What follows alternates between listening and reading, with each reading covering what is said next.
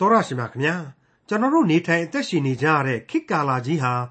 ဘေးကျနံကျဖြစ်စရာပြဿနာတွေတပုံတပင်ကြီးနဲ့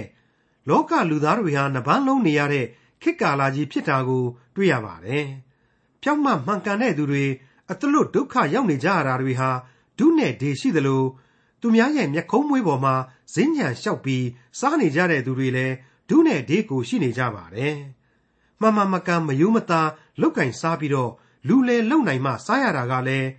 လူအဖွဲ့အစည်းကိုယ်တိုင်ကအဲ့ဒီစနစ်ကြီးကိုအတိအမှတ်ပြုပေးထားသလိုရှိနေပါတယ်။ဒီလိုအခြေအနေဆိုးမျိုးကို တောင်းဆိုနေသလိုရှိနေပါတယ်။တယောက်နဲ့တယောက်ကြောက်ချပြီးအစင်းကိုဘိမ့်တက်ပေးနေတာတွေကလည်းအများကြီးပါ။ကဲဒါဆိုရင်ဒီလောကကဘာကြီးတစ်ခုလုံးမှာမှန်မှန်ကန်ကန်လှုပ်ချင်တဲ့သူတွေအတွက်နေရာမှရှိသေးရဲ့လား။ဒီလောကကဘာကြီးတစ်ခုလုံးမှာအဲ့ဒီလိုဖြစ်နေလို့ စိတ်ပြက်နေဖို့မလိုဘူးဆိုတဲ့အဖြေကိုဒီကနေ့သင်သိရသောတမန်ကျမ်းအစီအစဉ်မှာလေ့လာမှာဖြစ်တဲ့ခရိယန်တမန်ကျမ်းဓမ္မဟောင်းကျမ်းပိုင်းတွေကတုတ်တန်ကျမ်းအခန်းကြီး78မှာတွေ့ရမှာဖြစ်ပါတယ်။ချစ်တိုင်းမညာညာတိုင်းမချစ်ဆိုတဲ့စကားရှိပေမဲ့လို့အကျဉ်လင်မယားအဖြစ်ကိုနဲ့လက်ထပ်ထိန်များပေါင်းသိတဲ့သူအပေါ်ထားရမယ့်သဘောထားကိုလူဤဘဝရခဲလှဘဝတာဝန်ကျေပွန်ကြအဖို့ကောင်းနှင့်ပေါင်းသိကြဆိုတဲ့တိုက်တွန်းချက်နဲ့အတူ တုတ်တန်ကျမ်းအခန်းကြီး78ကိုဒေါက်တာထွန်းမြတ်အေးကအခုလိုရှင်းလင်းတင်ပြမှာဖြစ်ပါတယ်။မိတ်ဆွေတော်တတ်ရှင်များအားလုံးကိုမင်္ဂလာပါလို့ကျွန်တော်တို့တင်ပြရသောတမန်ကျမ်းအဖွဲ့ကနှုတ်ခွန်းဆက်သအပ်ပါတယ်။ဒီကနေ့ကျွန်တော်တို့ပြင်ဆင်ထားတာကတော့တုတ်တန်ကျမ်းအခန်းကြီး78ဖြစ်ပါတယ်။ဒီအခန်းကြီး78ရဲ့သင်ခန်းစာတွေဟာလေကျွန်တော်တို့ကမင်္ဂလာပါလို့နှုတ်ခွန်းဆက်လိုက်တယ်လို့ပဲမိတ်ဆွေတို့အတွက်အလွန်မင်္ဂလာတရားကိုခန်းစားစေရမယ်။ကြမ်းကြီးတစုပဲဖြစ်တယ်လို့ကျွန်တော်ဆိုချင်ပါတယ်။တုတ်တန်ကျမ်းများအဖြစ် ဘုရားသခင်ချထားပေးသောဝိညာဉ်အသည့်တရားများဉာဏ်ပညာသတိနဲ့တကွထာဝရဘုရားကိုကြောက်ရွံ့ယူသေးခြင်းသဘောတရားအကြောင်းတို့ကိုဒီကနေ့ကျမ်းဟာဖြင့်တမျိုးတစ်ဖုံဆန်းပြစွာဖော်ပြသွားမှာဧကန်အမှန်ပဲဖြစ်ပါတယ်ကျွန်တော်ဖွဲ့ဆိုဖော်ပြခဲ့တဲ့အတိုင်းပါပဲအမှားနဲ့အမှန်အကောင်းနဲ့အဆိုးမွန်မြတ်သောလမ်းနဲ့ယုံညံ့သောလမ်းဘုရားသခင်ကိုကြောက်ရွံ့သူနဲ့မတရားသောသူစရာတွေကိုလူလင်ပြိုလုံမပြိုကလေးတို့အနေနဲ့တကွပျော က်သောဘဝလမ်းမှာစံတဝါဝါဖြစ်နေလေသူလူတိုင်းအတွက်နားလေလွယ်အောင်ပိုင်းဖြတ်ဖော်ပြပေးပြီးခဲ့ပြီးတဲ့နောက်ဘုရားသခင်ဤဘက်တော်သားများစုဝေးနေတဲ့ဉာဏ်ပညာတက်ကတူကြီးကိုကျွန်တော်ကျမတို့အသီးသီးဟာစည်ရင်သွင်းတက်ရောက်နေခဲ့ကြပြီဖြစ်ပါတယ်အခုအချိန်မှာတော့တိုးတက်နေပြီဖြစ်သောဉာဏ်ပညာတက်ကတူသားများအတွေ့ဝိညာဉ်ရေးသစ္စာတရားများကိုဆက်လက်ဖော်ညွှန်းသွားလိမ့်အောင်မယ်လို့ကျွန်တော်ကြိုတင်ဖော်ပြလိုပါတယ်သုတ်တန်ကျမ်းအခန်းကြီး78အငယ်1ကိုစတင်နားဆင်ကြကြပါ သူတစ်ပါးကိုမယောနှောသောသူသည်မိမိစေတနာအလိုရှိသည့်အတိုင်းရှာဖွေ၍ပညာယရနာအမျိုးမျိုးကိုစူးစမ်းမှွေနှောက်တတ်၏မယောနှောဘူးဆိုတာကိုအင်္ဂလိပ်သမားကျမ်းက separated ဆိုပြီးတော့ဖော်ပြထားပါတယ်သီးခြားနေထိုင်ခြင်းကိုယ့်ဘာသာကိုခွဲခြားထားခြင်းလို့ဆိုခြင်းပါတယ်အခုဒီအပိုင်းမှာဖော်ပြလိုက်တာကတော့ဘသူတွေနဲ့မှမယောနှောဘူးကိုယ့်ဘာသာကိုကိုယ့်အတွေးနဲ့ကိုကိုယ့်ဆန္ဒနဲ့ကိုတတ်တတ်ခွဲခြားပြီးနေတတ်တဲ့လူ ကိုယ်ဆန္ဒနဲ့သာကိုရှောင်ဖယ်ပြီးနေသူဟာပညာဉာဏ်အမျိုးမျိုးကိုလေကိုယ့်ဘာသာကိုပဲစူးစမ်းမှွေနှောက်ရှာဖွေပြီးနေတယ်လို့ဆိုလိုခြင်းဖြစ်ပါတယ်ဒီတော့ဒီအပိုင်းဟာတချို့ကအကောင်းဘက်ကပဲမြင်နိုင်တယ်တချို့ကတော့အဆိုးဘက်ကမြင်နိုင်ပါတယ်အစွန်းနှစ်ပါပေါ့ကြိုက်တယ်လို့အတိတ်ပဲဖွင့်လို့ရတယ်လို့ကျွန်တော်တို့ကလည်းဆိုခြင်းပါတယ်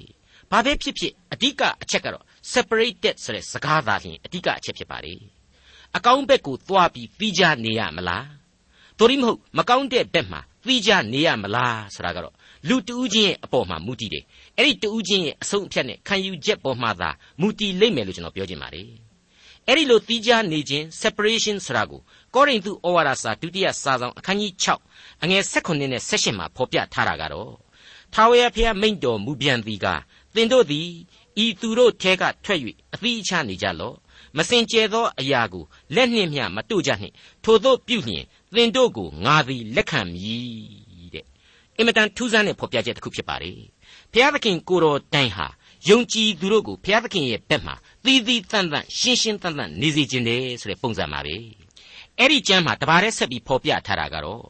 အဲ့ဒီလိုသင်တို့ကိုငါလက်ခံမည်ဆိုပြီးတဲ့နောက်သင်တို့ဤအဖဖြစ်လိမ့်မည်။သင်တို့သည်လည်းငါသားသမီးဖြစ်ကြလိမ့်မည်ဟုအနန္တတကုနှင့်ပြည့်စုံသောထာဝရဘုရားမိန့်တော်မူ၏။အဲ့ဒီလိုဖော်ပြထားခြင်းဖြစ်ပါတယ်။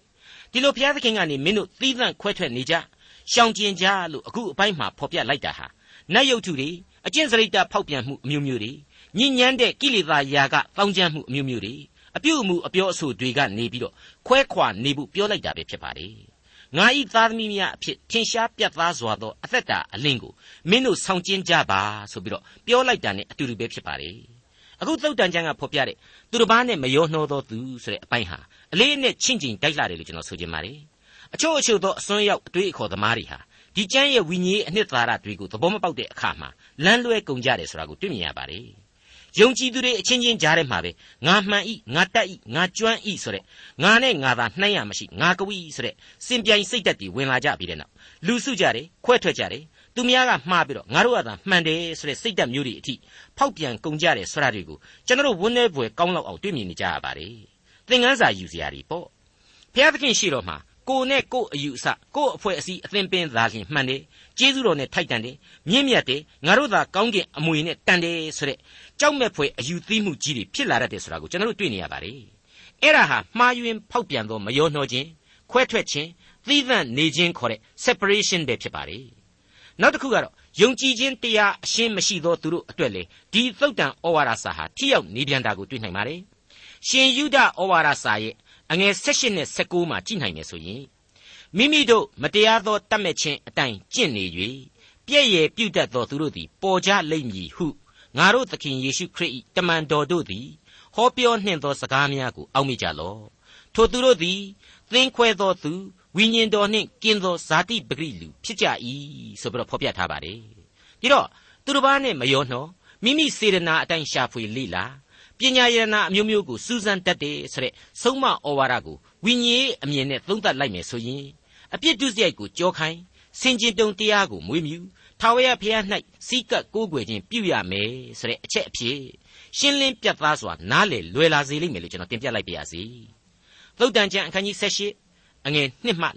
4မိုက်သောသူမူကားမိမိစိတ်သဘောကိုပြเสียအခွင့်မှတပါအခြားသောအကြောင်းကြောင့်ဉာဏ်ပညာ၌မပျော်မွေ့တတ်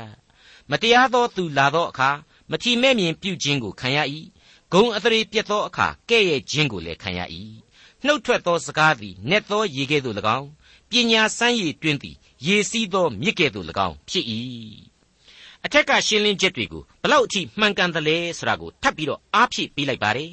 ရှင်းလင်းချက်ထုတ်ပေးလိုက်တယ်ထောက်ခံအတီးပြုတ်ပေးလိုက်တယ်ဆိုတာကိုတွေ့ရပါတယ်ကိုယ်စိတ်သဘောထားကိုကိုပြတယ်ဆိုတာဟာကိုယ်အနာကိုကိုလှန်ပြနေတယ်ဆိုတာမျိုးဖြစ်တတ်ပါတယ်ကျွန်တော်ဗမာစကားမှာကိုယ်အထုပ်ကိုဖြီပြတယ်ဆိုတဲ့သဘောပေါ့နောက်တစ်ခုကတော့စောစောကဆိုခဲ့တဲ့အတိုင်းငါသာမှန်တယ်ငါသာမြတ်တယ်ငါသာတော်တယ်ဆိုတဲ့ငါတကောကောနေတာကိုဆိုလိုခြင်းဖြစ်ပါတယ်အဲ့ဒီလိုငါနဲ့ငါသာနှိုင်းရနှက်ထိငါကဝီလုံနေရတာနဲ့ပဲစစ်မှန်တဲ့ဉာဏ်ပညာတွေမရှိတော့ဘူး အမှန်တရားကိုရှာဖွေစူးစမ်းလိုစိတ်လေကွယ်ပြောက်သွားတယ်ကိုကိုကိုပဲအထင်ကြီးပြီးတော့အဲ့ဒီအထင်ကြီးတဲ့စိတ်ထဲမှာပဲရောင်ရဲနေတယ်ထာဝရဘုရားနဲ့ဝေးသွားပြီသစ္စာတရားလည်းပြက်သွားရပြီဆိုတာကိုဖော်ပြလိုက်ပါတယ်မတရားသောသူလာတဲ့အခါမှာမထီမဲ့မြင်ပြုတာကိုခံရတယ်ဂုံအသရေပြက်တဲ့အခါမှာကဲ့ရဲ့ခြင်းကိုခံရတယ်ဆိုတာဟာတရားလမ်းအတိုင်းနေထိုင်အသက်ရှင်ပါလူသားတွေရှိဘုရားသခင်ရှိတော်မှောက်မှာဂုံအသရေတင့်တယ်လျှောက်ပတ်စွာပြုမှုပြောဆိုကြပါဆိုတာကိုတိုက်တွန်းအားပေးလိုက်တာပဲဖြစ်ပါတယ် နှုတ်ထွက်သောစကားသည်နှက်သောရေပညာစမ်းရည်တွင်ဟာစီးဆင်းသောမြစ်တစင်းကဲ့သို့ဖြစ်တယ်တဲ့ဒါဟာအမှန်တော့နှုတ်ကပတ်တော်အတိုင်းနေထိုင်အသက်ရှင်ဖို့ကိုအားပေးတိုက်တွန်းနေခြင်းပါတန်ရှင်သောဝိညာဉ်တော်ဤလမ်းပြတော်မူခြင်းကိုသာအစဉ်တစိုက်ခံယူဖို့ဆုံးမလိုက်တယ်ဆိုတာရှင်းနေပါလေခရစ်တော်ကိုယ်တော်တိုင်ဟာသူအသေးမခံမီဘုံတော်နဲ့ကောင်းကင်ဘုံကိုမတက်ကြွမီအချိန်မှာသူလောကမှလူစားတိကိုခံယူစေအချိန်မှာလူသားတွေကိုတန်ရှင်းသောဝိညာဉ်တော်ချထားမပေးသေးဘူး အဲ့ဒီအချိန်ကာလမှာသူ့ကိုယ်စားတန်ရှင်းသောဝိညာဉ်တော်ကိုမပေးရသေးဘူးအဲ့ဒီအချိန်မှာသူ့ကိုယုံကြည်ခြင်းဟာအသက်ဆန်းရည်ဖြစ်စေလိမ့်မယ်ဆိုတာကိုအခိုင်အမာပြောခဲ့ပါတယ်သက္ကေနီပွဲလို့ခေါ်တဲ့သစ်ခက်များနဲ့လောကကန္တာရခရီးမှာကျင်လည်ရခြင်းကိုအောက်မေ့ပွဲပွဲတော်နောက်ဆုံးနေ့မှာခရစ်တော်ဟာအသက်ဆန်းရည်ရဲ့သဘောကိုအခုလိုဖွင့်ဆိုဖော်ပြခဲ့ပါတယ်ရှင်ယောဟန်ခရစ်ဝင်ကျမ်းအခန်းကြီး9အငယ်38မှ39မှာရှင်းနေအောင်ဖော်ပြထားခြင်းကိုကျွန်တော်ပြန်လည်လေ့လာကြည့်ကြပါစို့ ထိုပွဲကိုခံ၍နောက်ဆုံးဖြစ်သောနေ့မြတ်၌ယေရှုသည်ရက်၍ကြွေးကြော်တော်မူသည်ကားရေငတ်သောသူရှိလျင်ငါထံသို့လာ၍တောက်လော့ငါကိုယုံကြည်သောသူသည်ကျမ်းစာလာသည့်အတိုင်းအသက်ရည်ထွက်ရာစမ်းရည်တွင်ဖြစ်လိမ့်မည်ဟုမိန့်တော်မူ၏ထိုသောမိန့်တော်မူသောယုံကြည်သောသူတို့သည်ခံရလက်တန့်သောဝိညာဉ်တော်ကိုရည်မှတ်၍မိန့်တော်မူ၏ယေရှုသည်ဘုံပွင့်တော်မမူသေးသောကြောင့်တန်ရှင်းသောဝိညာဉ်တော်ကိုပေးတော်မမူသေး မိษွေအပေါင်းတို့ခမညာခရစ်တော်ကိုယ်တော်တိုင်ဖော်ပြပေးလိုက်တဲ့အသက်ဆန်းရည်တွင်ဟာဒီကနေ့ကျွန်တော်တို့အတွက်တန်ရှင်းသောဝိညာဉ်တော်ကိုခံယူခြင်းအပြင်ရေစီးသောမြစ်ကဲ့သို့ဘယ်သောအခါမျှမခန့်နိုင်အောင်တည်ရှိနေပါတယ်ဒါဟာနှုတ်ကပတ်တော်အသက်လန်းနဲ့အတူတူပဲဖြစ်ပါတယ်ကျွန်တော်တို့အတွက်သာဝရအသက်ကိုခံရစေသောစမ်းရည်တွင်ပဲဖြစ်ပါတယ်သုတ်တန်ကျမ်းအခန်းကြီး78အငယ်9မှ10တရားတွေ့ရာအမှု၌ဖြောက်မတ်သောသူကိုရှုံးစေခြင်းဟာ မတရားသောသူ၏မျက်နှာကိုမထောက်ကောင်းမိုက်သောသူ၏နှုတ်ခမ်းတို့သည်ရန်တွေ့တတ်၏သူ၏နှုတ်သည်လည်းအပြစ်ဒဏ်ကိုတောင်းတတ်၏မိုက်သောသူ၏နှုတ်သည်ပျက်စီးရာအကြောင်းနှခမ်းတို့သည်လည်းမိမိအသက်ကိုကြော့မိရာအကြောင်းဖြစ်၏ဂုံတိုက်သောသူ၏စကားသည်မိန်သောခဲပွေစားပွေကဲ့သို့ဖြစ်၍ဝန်းအတွင်သို့ဝင်တတ်၏အလုတ်လုတ်သောအခါပြင်းရည်သောသူသည်မိမိဥစ္စာကိုအချီးနှီးကုန်စေသောသူနှင့်ညီအကိုတော်ပေ၏ ထာဝရဘုရား၏နာမတော်သည်ခိုင်ခံ့သောရဲတိုက်ဖြစ်၍ဖြောင့်မတ်သောသူတို့သည်ပြေးဝင်သဖြင့်လုံခြုံစွာနေရကြ၏ဒီကျမ်းဟာမတရားသောသူတို့ရဲ့တရင်ကခေါင်းထောင်ပြီးတော့မန်ဖြီတတ်တဲ့သဘောနဲ့အတူမညီမမျှဖြစ်နေတဲ့တစ်ဖက်စောင်းနေလူအဖွဲ့အစည်းကိုသယော်လိုက်တယ်လို့ပဲရှိတယ်လို့ကျွန်တော်ခန်းစားမိပါတယ်ဒီကနေ့ကျွန်တော်ခေတ်ကာလအခြေအနေကိုပြန်ကြည့်လိုက်မယ်ဆိုရင်ဘေးကျနံကျက်ဖြစ်เสียပြဿနာတွေအများကြီးနဲ့လူသားတွေနဲ့ဟာနှပန်းလုံနေရတဲ့ကာလလို့ကျွန်တော်ဆိုချင်ပါတယ် ဖြောက်မတ်သောသူတို့အချောက်တိုက်ဒုက္ခရောက်နေရတာတွေအများကြီးရှိနေပါတယ်သူများမျက်ခုံးမွေးပေါ်ကိုစင်းကြံလျှောက်ပြီးစားနေတဲ့လူတွေလည်းအများကြီးရှိနေပါတယ်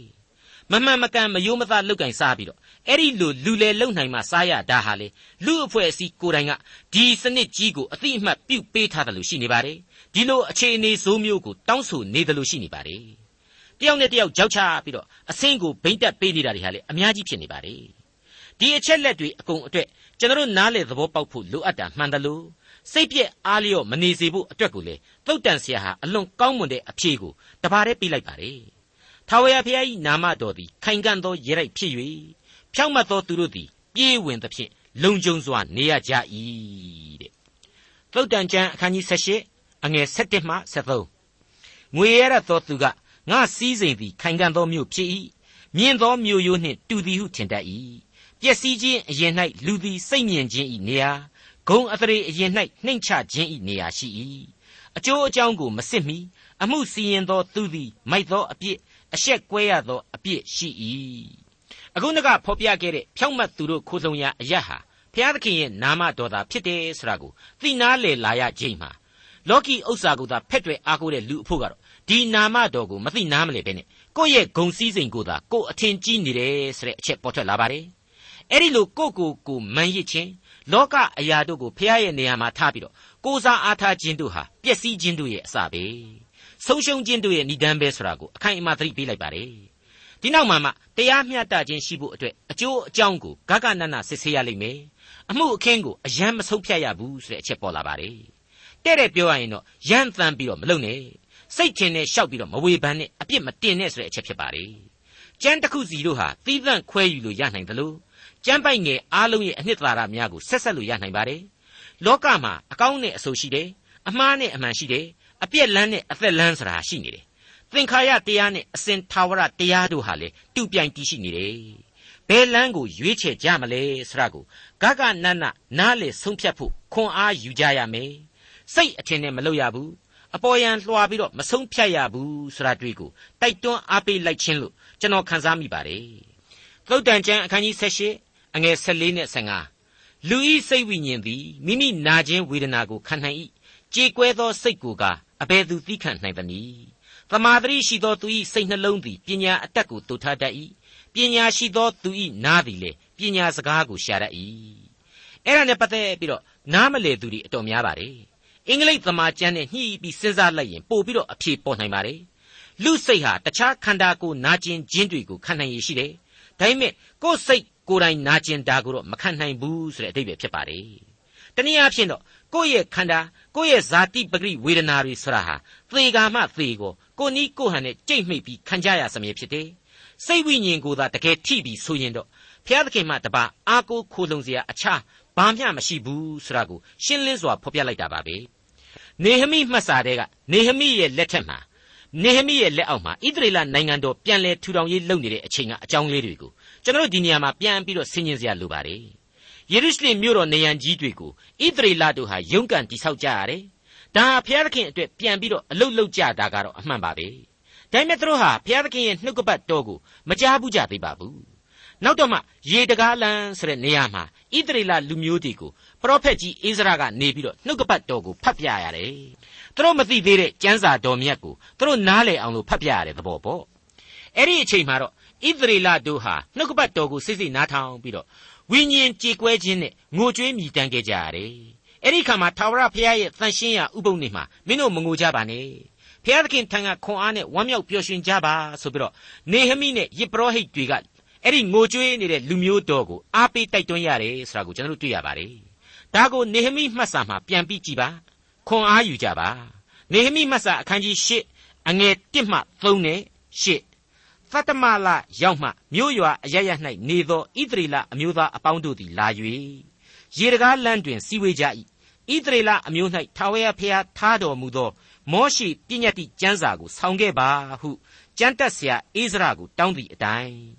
နားထောင်နားလည်နိုင်သမျှသောပြိဿယောက်ျားမိန်းမတို့ရှေ့သို့တတ္တမလပထမနေ့ရက်တွင်ပညတ်တိကျမ်းစာကိုယေပရောဟိတ်အိဇရသည်ဆောင်ခဲ့၍နားလည်နိုင်သောသူ ယောက်ျားမိန်းမတို့ရှေ့မှနတ်နဲ့အချိန်မှစ၍မွန်းတဲ့အချိန်တိုင်အောင်ရေတကားလမ်းတွင်ဖတ်ရွတ်လေ၏လူအပေါင်းတို့သည်ပညတ်တိကျမ်းစကားကိုစိစိနားထောင်ကြ၏ထို့သောဘုရားသခင်၏ပြည့်ညတ်တိကျမ်းစာကိုသေချာစွာဖတ်ရွ၍အ내ကိုပြန်သဖြင့်လူများနားလေစေခြင်းဟာပြုကြ၏လူအပေါင်းတို့သည်ပြည့်ညတ်တိကျမ်းစကားကိုကြားသောအခါငိုကြွေးကြသည်ဖြစ်၍ပြည်အုပ်မင်းနေဟမိကျမ်းတက်ဆရာယေပရောဟိတ်ဣဇရာ လူများတို့အားသွန်သင်သောလေဝိသားတို့ကဤသည်နေ့ရက်သည်သင်တို့၏ဘုရားသခင်ထာဝရဘုရားအဖို့တန်ရှင်းသောနေ့ဖြစ်၏ငိုကြွေးမြည်တမ်းခြင်းကိုမပြုကြနှင့်သွားကြလော့မြိန်စွာသောအစာကိုစားကြလော့ချိုသောအရည်ကိုတောက်ကြလော့ဆင်းရဲသောသူတို့အားဝေမျှကြလော့ဤသည်နေ့ရက်သည်ငါတို့ဖျားရှင်အဖို့တန်ရှင်း၏ဝမ်းမနေကြနှင့်ထာဝရဘုရားပေးတော်မူသောအခွင့်နှင့်အာယူ၍ဝမ်းမြောက်ကြလော့ဟုလူအပေါင်းတို့အားဆိုကြ၏ မိษွေတော်တတ်ရှင်အပေါင်းတို့ဘုရားသခင်အတွက်ဘဝကိုပေးပါအချိန်နဲ့ဥစ္စာကိုပေးပါဘုရားသခင်ဝိညာဉ်တော်ကိုတောင်းခံပြီးတော့အသက်ရှင်ပါအဲ့ဒီလိုသာအသက်ရှင်နိုင်မယ်ဆိုရင်ကျွန်တော်တို့ဘယ်လို့မှရှင်းမပြနိုင်တဲ့အံ့ဩပွေသောဝမ်းမြောက်ခြင်းစုကျေးဇူးမင်္ဂလာအပေါင်းတို့ကိုမုတ်ချခံစားကြပါလိမ့်မယ်လို့ကျွန်တော်အားပေးတိုက်တွန်းပါရစေသုတ်တန်ကျမ်းအခန်းကြီး78အငယ်16မှ20လူ၌ပါသောလက်ဆောင်အားဖြင့်လမ်းရှင်းလင်း၍ လူကြီးထံသို့ဝင်ရသောအခွင့်ရှိတတ်၏ကိုအမှုကိုအူးဆောင်၍ပြောသောသူသည် ဖြောင့်မတ်ရာသို့ရောက်တော်လေအိမ်နီးချင်းလာ၍စစ်ကြောတတ်၏စည်ရည်တံပြုခြင်းအပြင်အငင်းအခုံငင်း၍အာကြီးသောသူတို့အမှုကိုဆုံးဖြတ်တတ်၏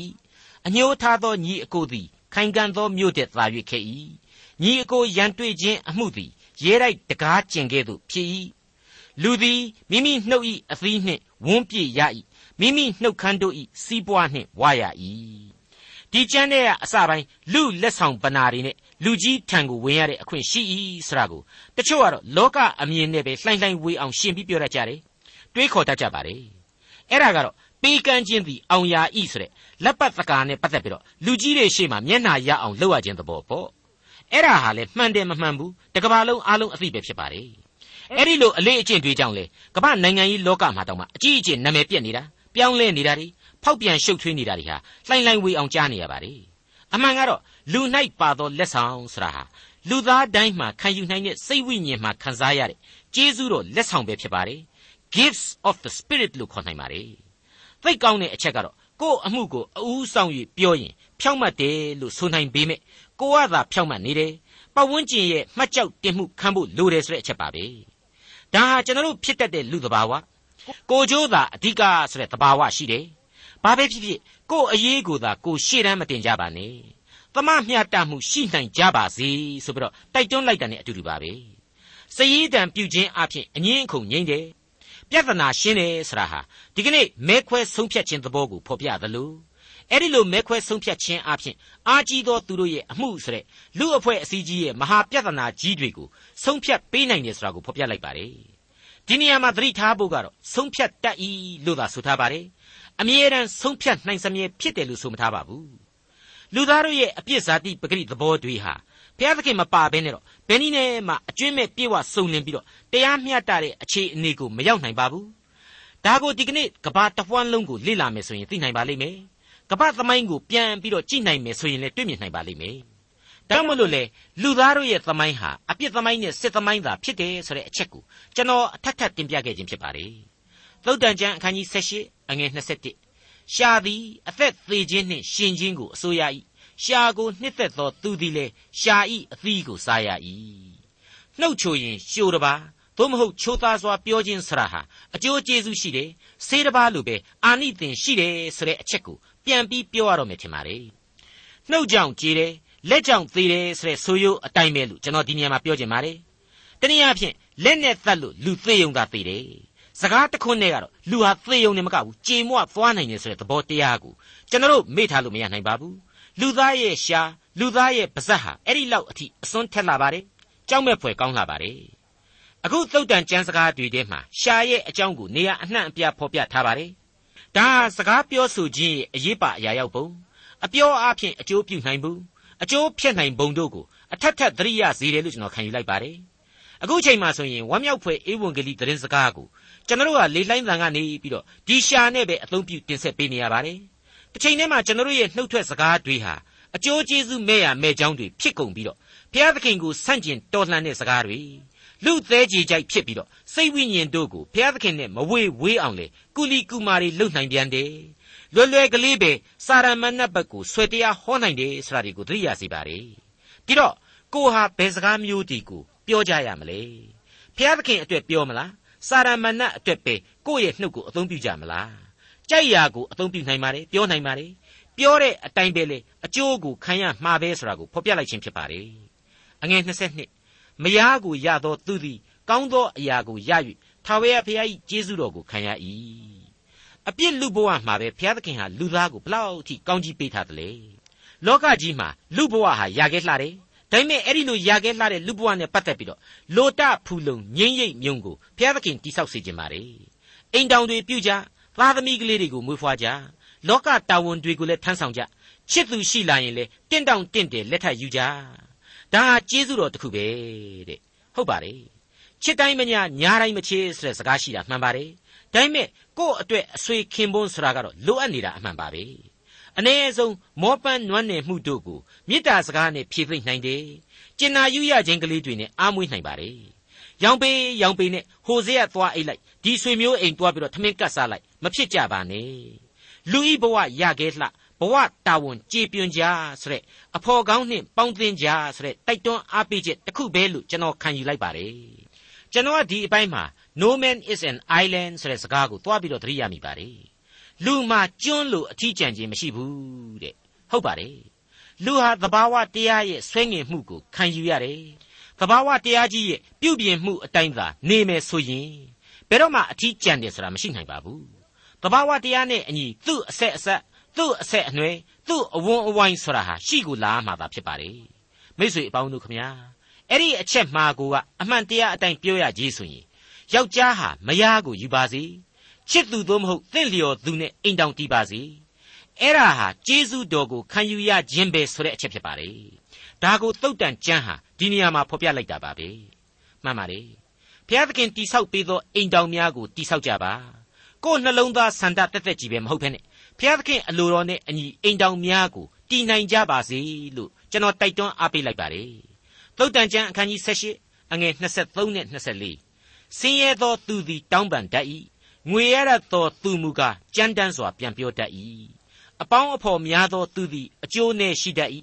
မိษွေမူကားညီအကိုဆွဲကပ်သည်တဲ့သာ၍ဆွဲကပ်တတ်၏မိษွေအပေါင်းတို့ခမညာသုတ်တန်ကျမ်းအခန်းကြီး78ဟာအခုကျမ်းပိုက်အားဖြင့်ဏိကုံးချုပ်ပေးလိုက်ပါတယ်တိငွေကြေးဥစ္စာနဲ့သက်ဆိုင်တဲ့မာမာနနှစ် အပေါင်းအဖော်များသောကြောင့်ဖြစ်ရတဲ့ဒုက္ခနဲ့အကျိုးနဲ့ခံစားရခြင်းစသည်တို့ကိုဖော်ပြရင်းနေအဲ့ဒီလိုများပြားတဲ့အပေါင်းအဖော်တွေထဲမှာပဲညီအကိုတက်ပို့ပြီးကောင်းမွန်တဲ့မိษွေသင်္ကားတွေရှိနေတယ်ဆိုတာကိုဖော်ပြပေးလိုက်ပါတယ်အခုသုတ်တန်ကြံသင်ခန်းစာတွေမှာအလွန်အလွန်အရေးကြီးတဲ့စဉ်းစားစရာအချက်တွေရှိနေပါတယ်ငွေကြေးဥစ္စာနဲ့သက်ဆိုင်တဲ့မာမာနရဲ့သဘောကိုငွေရရသောသူသည်ကြမ်းတမ်းစွာပြန်ပြောတတ်၏လို့ဖော်ပြထားပါတယ် ဒါဟာဓမ္မသမိုင်းကထင်ရှားပေါ်လွင်နေတဲ့တာရကဖြစ်ရတွေးနဲ့ပဲပြီးပြည့်စုံနိုင်လိမ့်မယ်အသေးစိတ်စရာမလိုတော့ဘူးလို့ကျွန်တော်တင်ပြခြင်းပါတယ်အဲ့ဒီအတိုင်းပါပဲအပေါင်းအဖော်တွေကိုအကြီးအကျယ်အားကိုးတဲ့ရှောလမုန်ရဲ့သားယောဘောင်ရဲ့ဘဝဇတ်လန်းကိုကျွန်တော်တို့ကဓမ္မရာဇဝင်တတိယစာဆောင်အခန်းကြီး7အငယ်6ကနေ14အတွင်းမှာလည်းတွေ့ခဲ့ရပြီဖြစ်ပါတယ်မိษွေတော်တတ်ရှင်အပေါင်းတို့ခမညာညီကိုမောင်နှမသို့မဟုတ် သွေးသားအရင်အခြာတို့တဲ့ပို၍ဆွဲကပ်နိုင်သောမိษွေဆိုတာရှိနေပါတယ်အဲ့ဒါကတော့တခြားမဟုတ်ပါဘူးအခုကျွန်တော်တို့လေ့လာနေစေရှိတဲ့ဉာဏ်ပညာသတိတရားပဲဖြစ်ပါတယ်အဲ့ဒီဉာဏ်ပညာသတိတရားဟာလည်းတခြားမဟုတ်ပါဘူးထာဝရဘုရားကိုကြောက်ရွံ့ခြင်းသဘောနဲ့ထာဝရဘုရားကိုနားလေသိကျွမ်းခြင်းသဘောတို့ကိုဖော်ထုတ်ပေးသောနှုတ်ကပတ်တော်ရဲ့အဆုံးအမပဲဖြစ်ပါတယ်မိษွေတို့ကျွန်တော်တို့ရဲ့လူဘဝမှာလူအချင်းချင်းချစ်ချင်းမေတ္တာတရားတွေဟာ အခါပေါင်းများစွာမှာအခြေအနေပေါင်းများစွာနဲ့အတူစိတ်ကုံသွားလျက်ကင်းဝေးခြင်းတွေဝေးကွာလှမ်းလျက်စိန်ကားခြင်းတွေရှိတတ်ပါတယ်ဒါဟာလောကသဘာဝဖြစ်ပါတယ်နှုတ်ကပတ်တော်ဒီဟုသောအသက်လံဝိညာဉ်တော်ဒီဟုသောဘုရားသခင်ရဲ့ကိုးစားကျေးဇူးတရားအဖြစ်ချထားပေးလိုက်တဲ့မိษွေခင်မွန်းကောင်းကတော့ခံယူနိုင်မယ်ဆိုရင်ခံယူနိုင်သလောက်ကျွန်တော်နဲ့မိษွေတို့ရဲ့ဘဝမှာအစဉ်တစိုက်တည်နေမှာဖြစ်တဲ့အကြောင်းကို ကျွန်တော်မိษွေတို့သိကျွမ်းနားလေပြီးတော့အစဉ်သဖြင့်သခင်နှင့်အသက်ရှင်နိုင်ဖို့ရန်သုတ်တန်ကျမ်းသင်ခန်းစာတို့ဟာရှင်းလင်းပြတ်သားစွာဩဝါဒပြုလျက်ရှိနေပါတယ်ခင်ဗျာဒေါက်တာထွန်းမြတ်ရေးစီစဉ်တင်ဆက်တဲ့တင်ပြရတော်တမချန်းအစီအစဉ်ဖြစ်ပါတယ်နောက်တစ်ချိန်အစီအစဉ်မှာခရိယန်တမချန်းဓမ္မဟောင်းကျမ်းပိုင်းတွေကတုတ်တန်ကျမ်းအခန်းကြီး19ကိုလေ့လာမှာဖြစ်တဲ့အတွက်စောင့်မျှော်နားဆင်နိုင်ပါတယ်။